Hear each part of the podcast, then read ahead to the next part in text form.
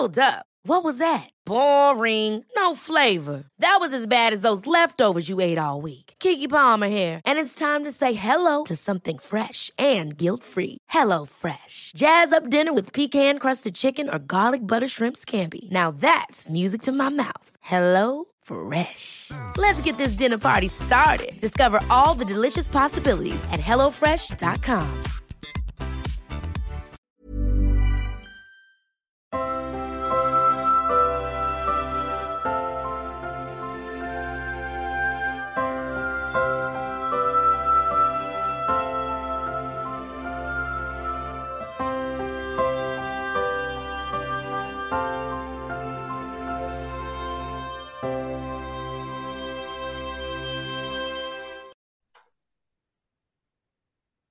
Hej och eh, varmt välkommen till eh, En stund på jorden.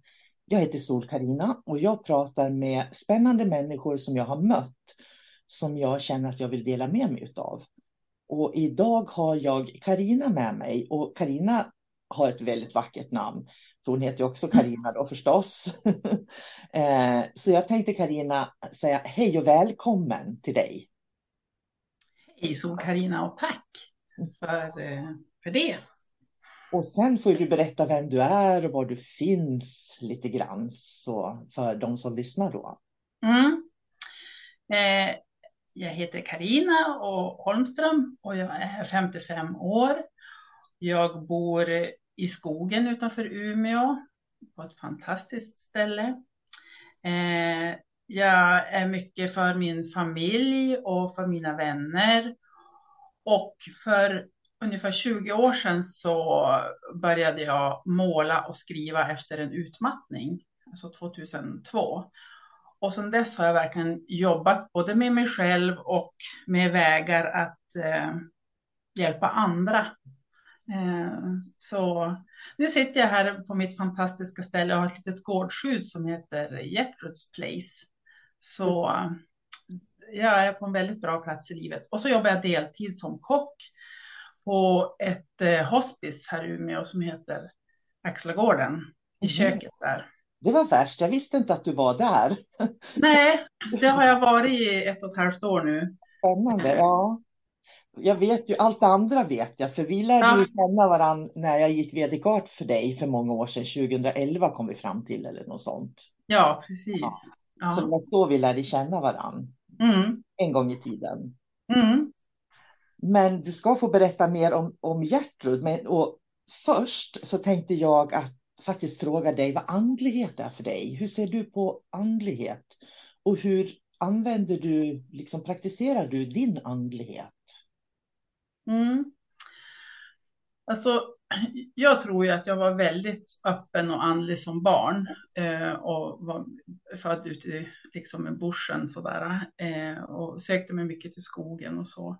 Och sen eh, stängde jag ner där, där jag var fem, sex år eh, och hade en ganska jobbig uppväxt med stor övervikt och jag liksom satte på mig ett stort skydd.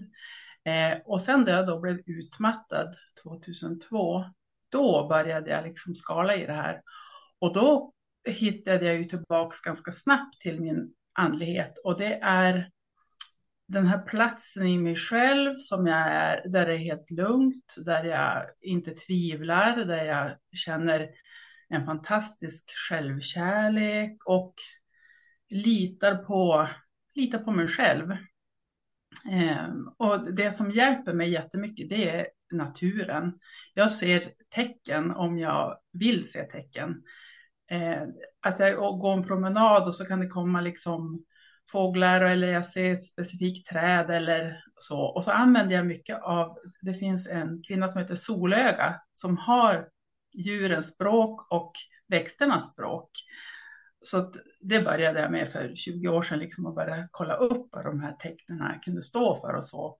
Ehm, och sen de här tillfälligheterna, synkroniciteten, liksom det är andlighet för mig, att liksom vara närvarande och se alla de här, alltså vi har så mycket hjälp i, mm. i livet. Ja. ja. Mm. Jag tänkte på, nu nämner Solöga, det är så många som blandar ihop mig med henne. Aha, Ibland då kan de skriva till mig, åh din bok om djurens språk var så ja. bra. Nej, det var inte jag. Jag har skrivit 27 andra böcker. ja. Så, eh, mm. ja, precis. Eh, mm. Det jag tycker är spännande just det här med andlighet och det är ju att ni har ju haft i familjen faktiskt. Mm. Du har en syster som är nunna. Eh, och det ska du få berätta lite mer om nu tänkte jag. Jag är ju jättenyfiken på ja. och, och sådär. Ja, det är det många som är och det förstår jag. Eh, men hon, vi är tre systrar och jag är äldst och så vår yngsta syster, då, hon är en liten sladdis. Så att hon eh, var ganska sökande i sin ungdom och så. Så att hon har levt, hon har verkligen levt livet och varit vegan och hon har, ja men det här med liksom eh, partande och hon har gjort allt. Eh, och sen så flyttade hon ner till Stockholm och började läsa praktisk filosofi och grekiska och latin och, och så. Och så hände sig att, eller hon blev lite deprimerad och nedstämd sådär, så att hon sökte sig till katolska kyrkan för hon gillade det här vackra i livet. Och där började det. Ehm, och vår familj är inte liksom speciellt religiösa eller så. Ehm, men där började det och sen så hittade hon en orden som är väldigt ung. Ehm, så att hon har nummer 38 i sin nunnedräkt. Eh, så att runt 2000, nu liksom mm. är jag inte helt säker på det här, men liksom ungefär så gick det till. Och den här orden är någonting som handlar om Guds skönhet, kärlek och de har för övrigt ett skyddshelgon som heter Gertrud. Så Nej. det är jättehäftigt. Så jag brukar skicka mina, mina böcker till klostret för att eh, då får hon visa liksom vad jag gör och, så, och översätta.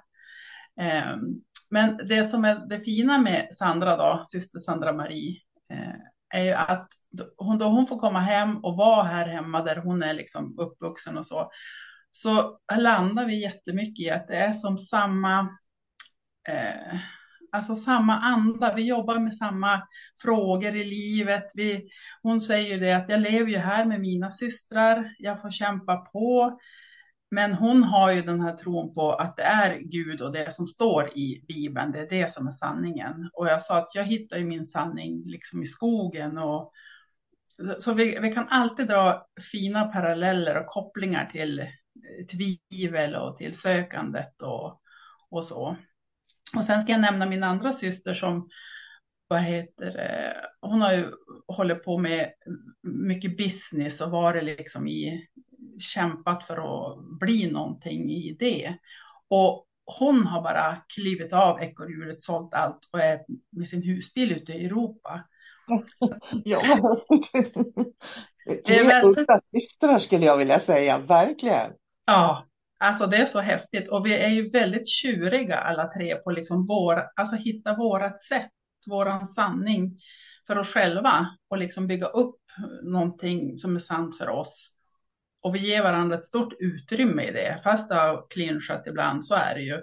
Men eh, jag tycker att det är ganska häftigt, för det visar liksom på att eh, uppvuxna ute på vischan, vi kände oss ju väldigt lost och utanför ibland man jämförde med andra då som hade liksom, ja, mer ordnade det här med hur man skulle bete sig i sociala sammanhang och allt sånt där. Men vi har ju också lyckats då hitta våra egna röster eh, på ålderns höst kan man ju säga, då man blir äldre och så. Jag tänker också att era föräldrar måste ha gjort någonting bra där, som ändå har, även om det inte kom på en gång, så har ni ändå senare i livet hittat eran väg alla tre, tänker jag. Mm. Så mm. att de har, byggt, de har ju byggt starka tjejer. Ja.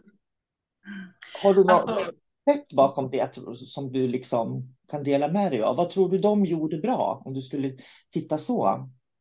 Alltså de var ju väldigt kreativa. Pappa bilmekaniker, startade eget på gården. Mamma ville egentligen bli inrednings eller arkitekt egentligen. Men hon valde då att stötta pappa Eh, för det är liksom bondesamhället, det var ju eh, därifrån de kom. Och så att hon blev eh, dagmamma hemma på gården då.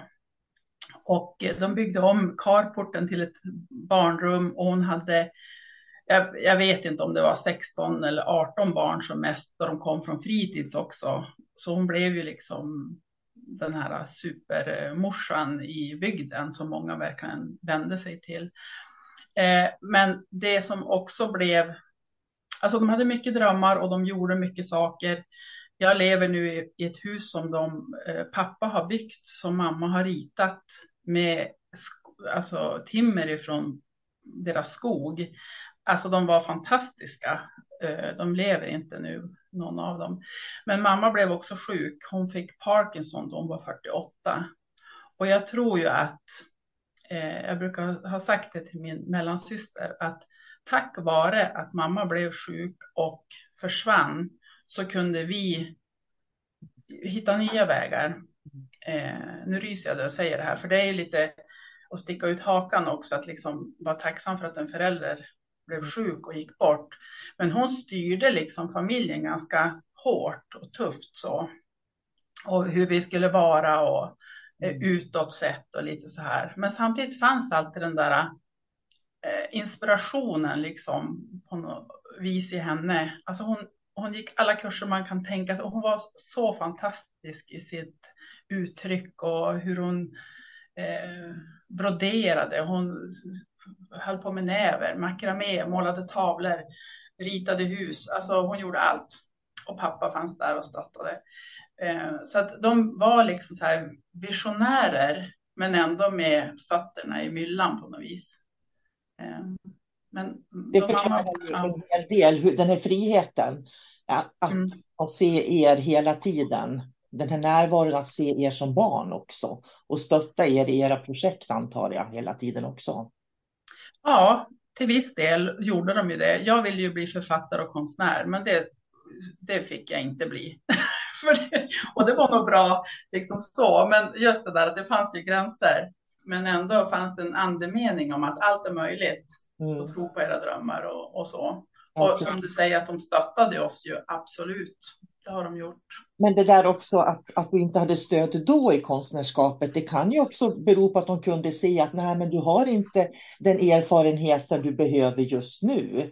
Ja. För det är ju faktiskt det du gör idag baserat på ett litet långt liv. Så. Ja, precis. Och jag är jätteglad att jag fick bli kock, för det har jag, yrket har jag också älskat. Liksom. Så är det ju. Jag tänker på din syster då, som är nunna. Det måste ju ändå vara väldigt inspirerande djupa samtal, tänker jag. För att människor som rör sig ut i samhället är ju så påverkade av eh, priserna på mjölk, elen och allt vad det kan vara. Men jag tänker att hon har väl sitt fokus på annan plats egentligen. Och att det då kan ge tillfälle till de här djupare samtalen. Ja, ja det gör det verkligen. Och, och hon är ju i, hon ser ju det här lilla och eh, Eh, nu, just nu är hon placerad på Irland. Hon flyttas runt så att hon har, är på olika platser i Europa. Eh, just nu är hon på Irland och där är det ju, alltså de kommer med gåvor till klostret, de får liksom mat av bygden, de finns där om det händer någonting och, eh, och de här små sakerna, just det här med maten och med tacksamhet och bara liksom vara i förnöjsamhet. Men matlagning, städning och ta hand om flickor ibland så där på sommaren. Och, alltså det är så basic allting. Eh, det som de lever för och det som är viktigt. Så ja, men det är väldigt inspirerande att prata med varandra.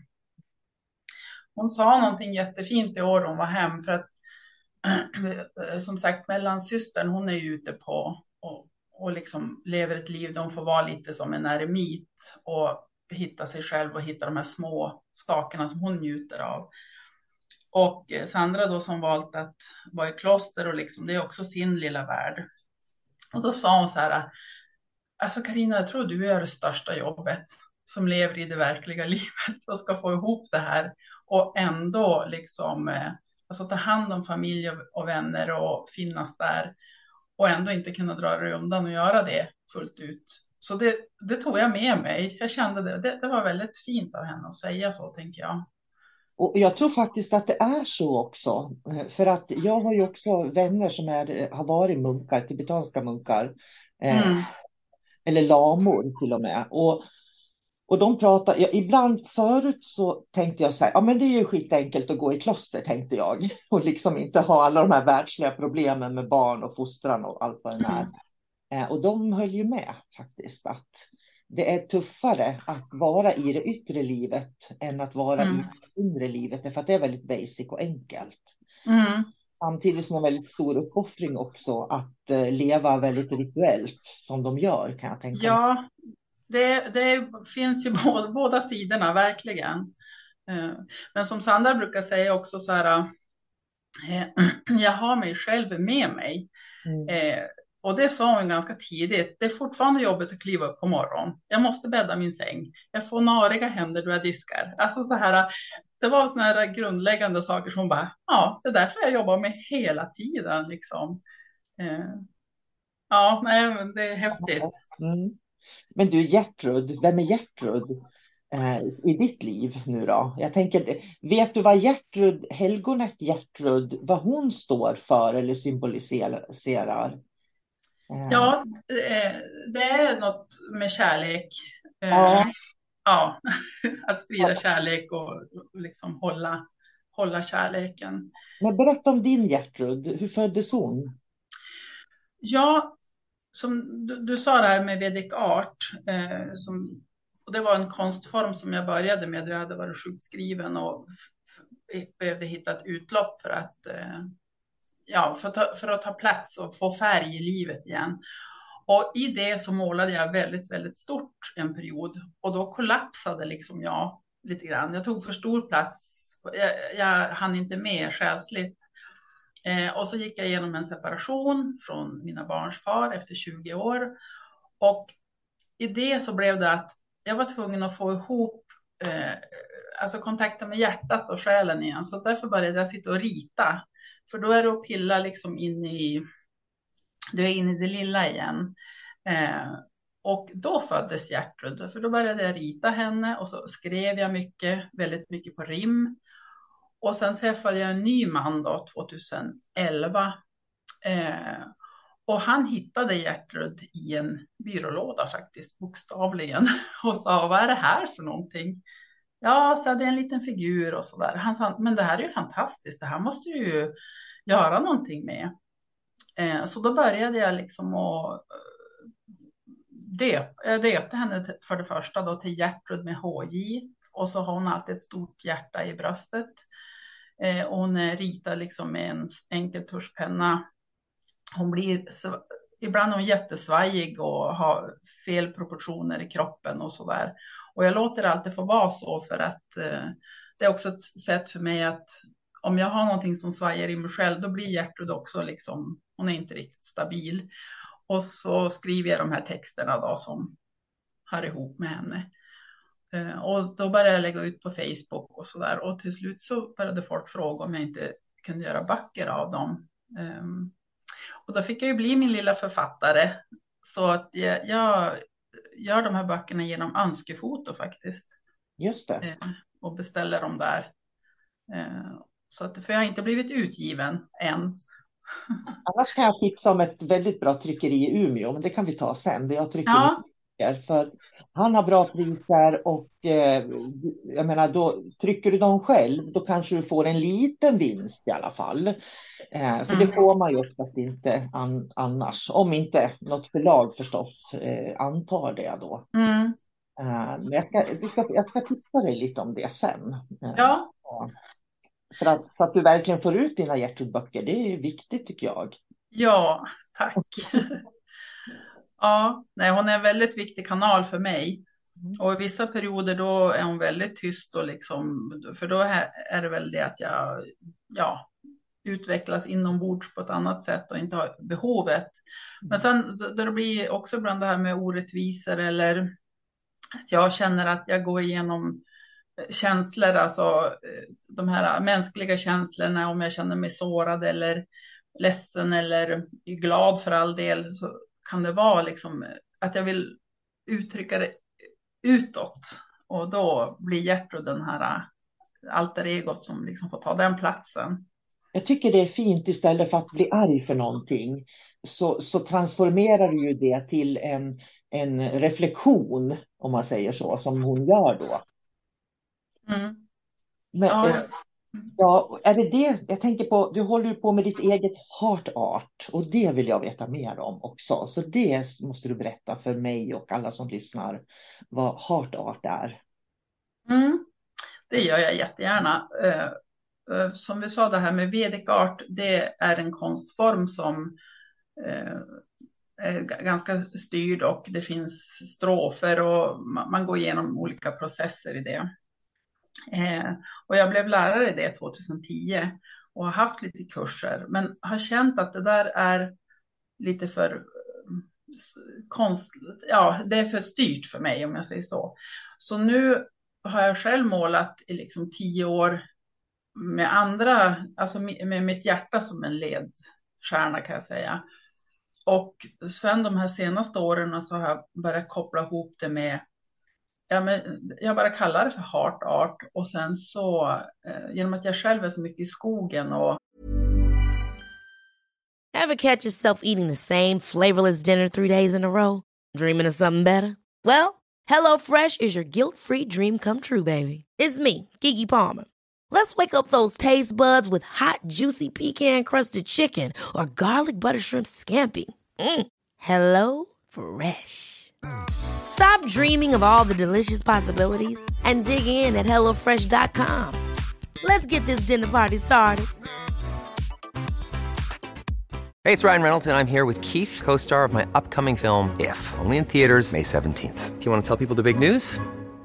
All right, I'll do it. Sign up now and you'll get unlimited for $15 a month in six months of Paramount Plus Essential Plan on us. Mintmobile.com slash switch. Upfront payment of $45 equivalent to $15 per month. Unlimited over 40 gigabytes per month. Face lower speeds. Videos at 480p. Active Mint customers by 531.24 get six months of Paramount Plus Essential Plan. Auto renews after six months. Offer ends May 31st, 2024. Separate Paramount Plus registration required. Terms and conditions apply if rated PG. Ser träden som liksom människor som ses, de är i samma ras men de ser så olika ut och det, det är viktigt att de får vara så. Och därför så är det här Heart Art uppbyggt eh, med roten, stammen och kronan. Och roten då står ju för liksom det här som alla behöver, stabiliteten, tryggheten och att vi ska vara djupt rotade och och så. Och sen i stammen så får vi vara lite mera, ja, hur, hur vill jag att min stam ska se ut? Och sen då vi kommer upp till kronan, då är det bara individuella uttrycket. Och då då är det väldigt mycket också självkärlek som jag känner att jag jobbar med, att folk ska förstå att du får tycka om dig själv hur mycket du vill. Du får ta hur stor plats du vill när du behöver det för att eh, läka och liksom, vi får vara så fina som vi är menade att vara. Eh, så Det är känns- ja. Ja, vad spännande. Jag tänker, jag bara sitter och småler här för att jag har ju också ett träd som symbol för den dimensionella kunskapen. Ja. Där, där vi verkligen är förankrade i jorden och har jordens kunskap i rötterna. Och stammen är vi själva som har den här kontakten med jord och eh, kosmos då som alla de här dimensionerna av oss som finns i kronan. Liksom. Ja. Eh, Så att det, är ju en otrolig symbol, träden, tycker jag också. Eh, Vi får nog bilda någon sån där trädfanatisk klubb. Ja. ja, men det är, det är fantastiskt, Ja. alltså verkligen. Och vad vi, som du säger med det här att vi jordar oss och, och ju mer andliga och spirituella vi är så kan vi ibland vilja sticka iväg och liksom bara vara uppe bland molnen. Och, men det är som jag brukar säga bara, min livsfilosofi är ju att jag har ju valt att vara här nu. Och hur jobbigt och jäkligt det än känns ibland så är det bara, jag har valt det här så nu ska jag göra det bästa av det här livet. Och jag har ju också blivit en sån som verkligen det här är livets goda och det är också tack vare min eh, katolska syster, nunnan. Mm. Att det här med ett gott glas vin, god mat, liksom att få njuta av det här som har en vacker soluppgång, känna skö- hur skönt att lägga sig i en renbäddad säng. Alltså det sådana saker bara, jag ska verkligen njuta av det här livet. samtidigt som eh, jag tycker det är underbart att känna att det finns någonting större som jag förlitar mig på. Liksom. Mm. Eh, ja. Ja, jättefint. Har, har, jag har du kurser i Heart Art också? Så att du har börjat hålla det, eller? Jag har bara haft liksom så här för närmaste, närmaste mm. kretsen. Eh, så att min tanke är att starta upp det här till sommaren. För mitt gårdshus Gertruds Place är mest nu som ett showroom som, alltså för mina målningar, för Gertruds böcker och så att jag behöver fixa lite grann för att få plats då för kurserna. Och det är det som är häftigt här ute att jag vill att det ska vara kanske mellan maj och oktober så att man kan vara ute och måla. För att gå ut och skvätta och måla stort och grunda sig och hitta det här trädet som ja, ger energin och ta ett bad och sova över i en stuga vid sjön och liksom, ja, så att jag tror att det kommer att bli från maj och över sommarmånaderna som jag kör. Det låter som ett fantastiskt koncept, måste jag ja. säga. Jag skulle vilja gå på den här kursen. Jag tänkte också den. vara med på någon gång också, tror jag. Det, ja. det är verkligen retreat också, på ett sätt. Ja. Eh, att helt gå in i sig själv och vara med sig själv. Eh, jag tycker du har formulerat otroligt väl det som är viktigt för dig i ditt liv. Men jag skulle ändå vilja ställa den frågan till dig. Eh, vad du tycker är viktigt för dig.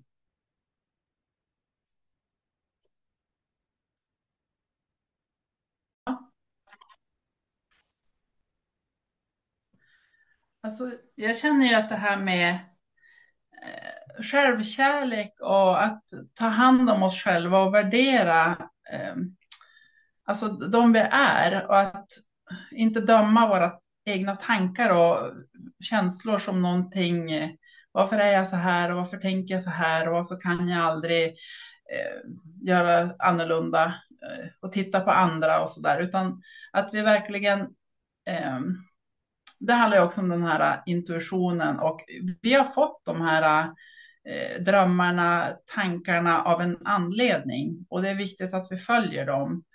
Eh, och jag har två vuxna döttrar som är helt fantastiska och det vet jag att alla föräldrar säger. Men jag känner att för deras skull så vill jag verkligen göra som jag säger att man ska göra. Att, eh, och det innebär ibland också att jag säger nej till dem eller liksom på något vis att nej, men jag behöver det här. Eh, så att, att vi vårdar det här lilla barnet. Det brukar jag också säga till mina barn. Ja, men tänk att du är den här lilla flickan. De är ju bara 24 och 27. Eh, men att, och inga egna barn. Men att om du hade ett litet barn som var fyra år. Skulle du säga till henne att nej, nu liksom drar upp ärmarna och så kämpar du och så är du ute och gör rätt för dig och så här. Nej, du kanske skulle säga att hon ska gå och ta ett bad, lägg dig under filten, eh, liksom ta hand om dig, för det är det du behöver just nu. Eh, så att det här med att eh, det är jätteviktigt med självkärlek, för, för jag har inte anammat det själv. Jag har varit en görare, en doer som jobbar lite hårdare, är lite duktigare, springer lite fortare och så. Eh, men som sagt, för 20 år sedan så la jag om och det har ju tagit tid. Mm. Men jag tycker att det är oändligt viktigt att vi visar varandra den här respekten och vad heter det? Eh, ja, men för att vi är unika och olika. Än om det är svårt. Jag tycker du har gett ett jättebra tips till de som lyssnar nu. Det här lilla barnet, hur man kan se på det lilla barnet i sig själv. Mm så det, det, jag, jag, skulle fråga dig om du har något tips till de som lyssnar. Mm. det kanske kommer något mer tips, tänker jag. Men jag skulle vilja fråga en sak, vad kärlek är, eftersom Gertrud har ju det här hjärtat. Mm. Och du, du har uh, heart art, hjärtkonst. Mm. Uh, och hjärtat och att följa hjärtat är ju väldigt centralt på olika sätt. Hur ser du på kärlek? Om någon frågar dig vad kärlek är, vad skulle du säga då? Uh acceptans tror jag.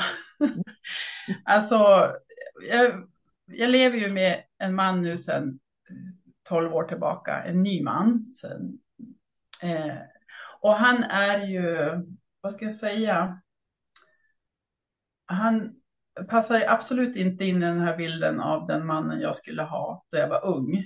Eh, utan en mycket mer feminin man.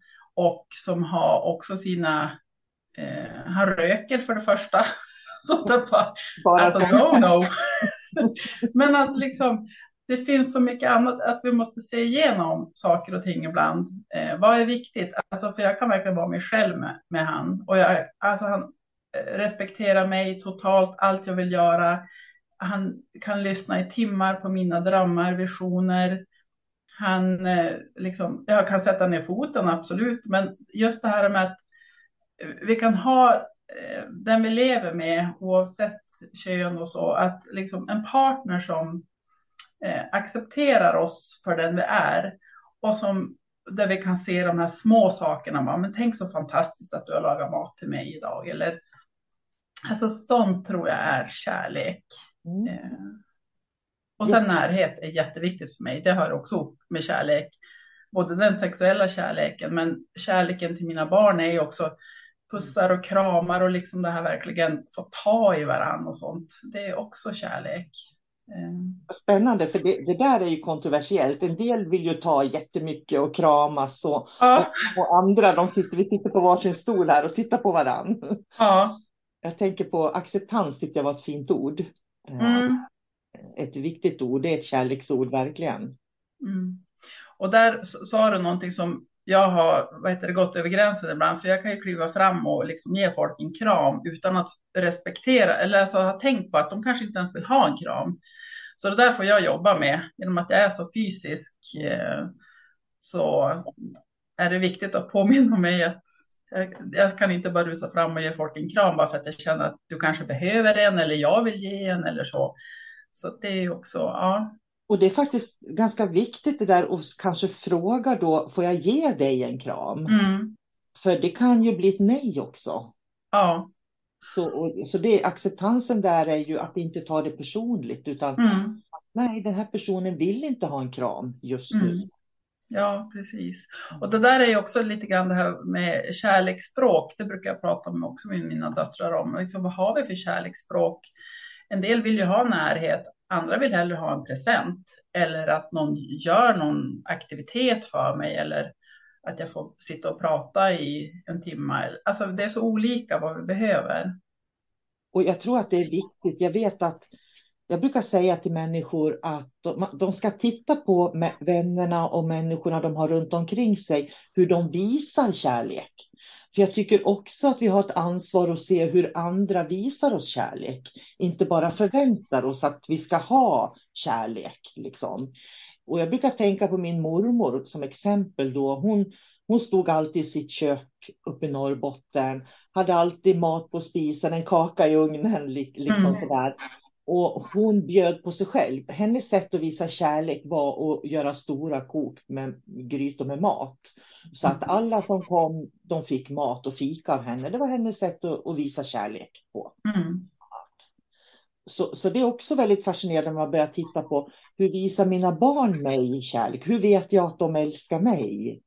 Eh, Mm. för det är verkligen inte på samma sätt och det är inte alltid genom ord heller. Det är Nej. spännande. Så det här med kärlek tycker jag är ett spännande ord också. Ja, och det kan ju bli väldigt laddat eh, om man nu har kört in sig på ett, ja, vad det är för mig som du säger. Mm. Det där är ju, ja, och, och jag är också en sån där mat, alltså maten går ju direkt in i hjärtat tycker jag. Alltså om, om man kan bjuda på mat och låta folk komma och sätta sig i en fåtölj medan jag lagar mat och tänder ett ljus åt dem och ger dem ett glas i handen eller, alltså det är, det- jag tycker att det är ett jättevackert kärleksspråk, men det är inte alla som, som du säger, ser det som kärlek, utan de vill hellre att man tar sig tid för annat eller ja. Och det Ja, är det som är spännande att utforska med Ja. man har runt sig. Vad är kärlek för dem och, och hur visar vi varandra kärlek och sådär.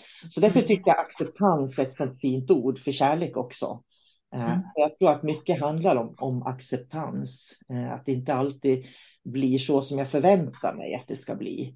Eh, Och jag tycker det, det är spännande att titta på hur människor ger kärlek.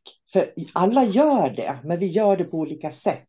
Mm. Och ibland kanske inte alltid på det sätt som vi själva är vana med också. Nej.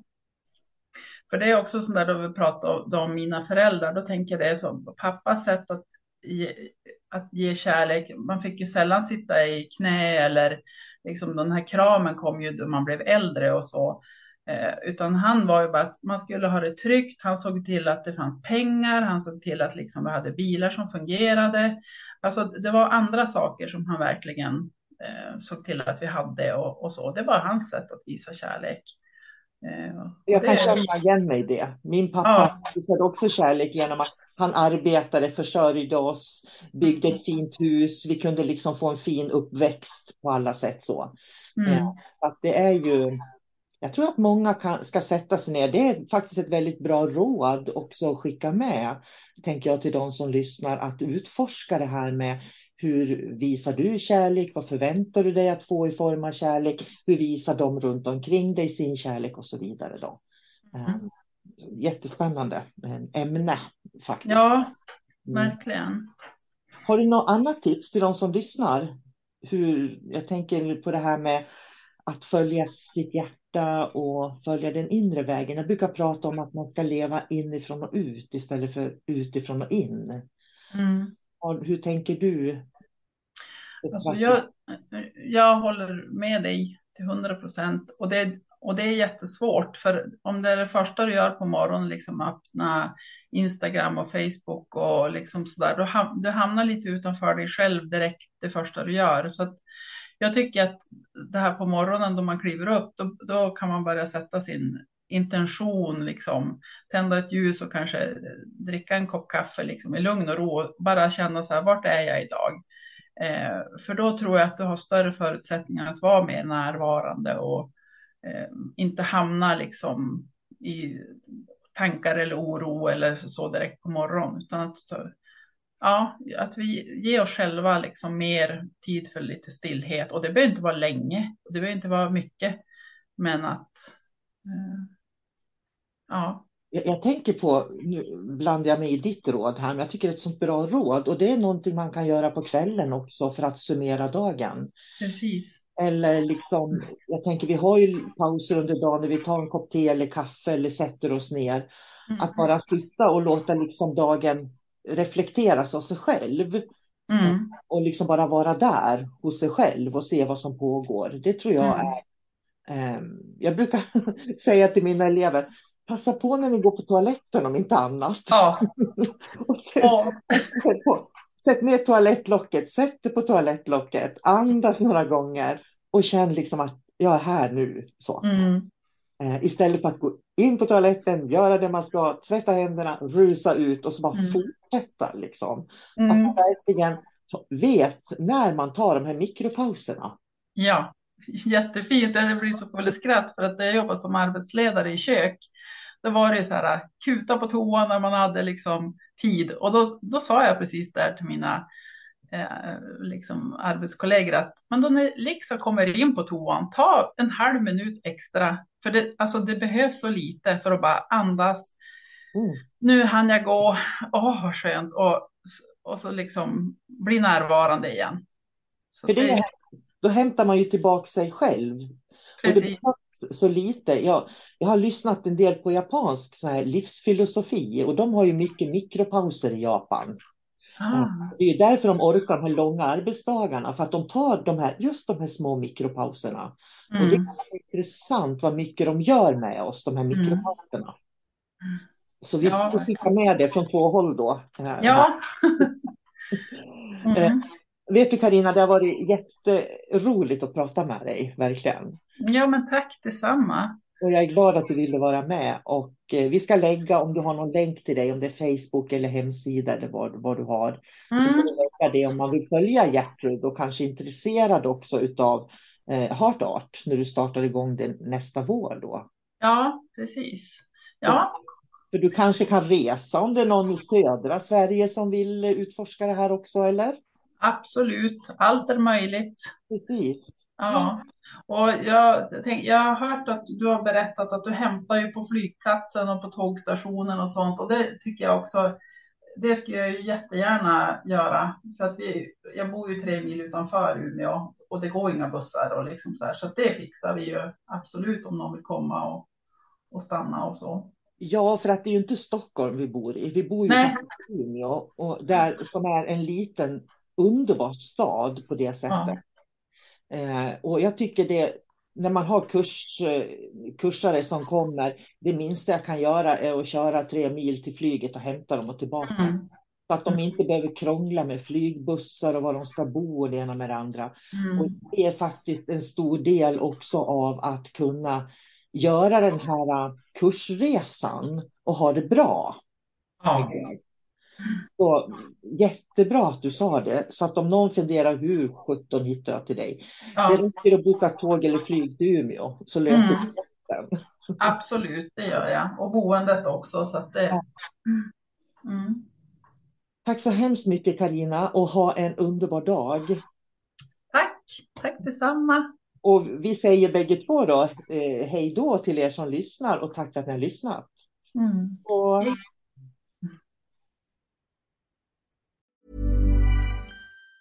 Even on a budget, quality is non-negotiable. That's why Quince is the place to score high-end essentials at 50 to 80% less than similar brands. Get your hands on buttery soft cashmere sweaters from just 60 bucks, Italian leather jackets, and so much more. And the best part about Quince, they exclusively partner with factories committed to safe, ethical, and responsible manufacturing. Elevate your style without the elevated price tag with Quince. Go to quince.com slash upgrade for free shipping and 365-day returns.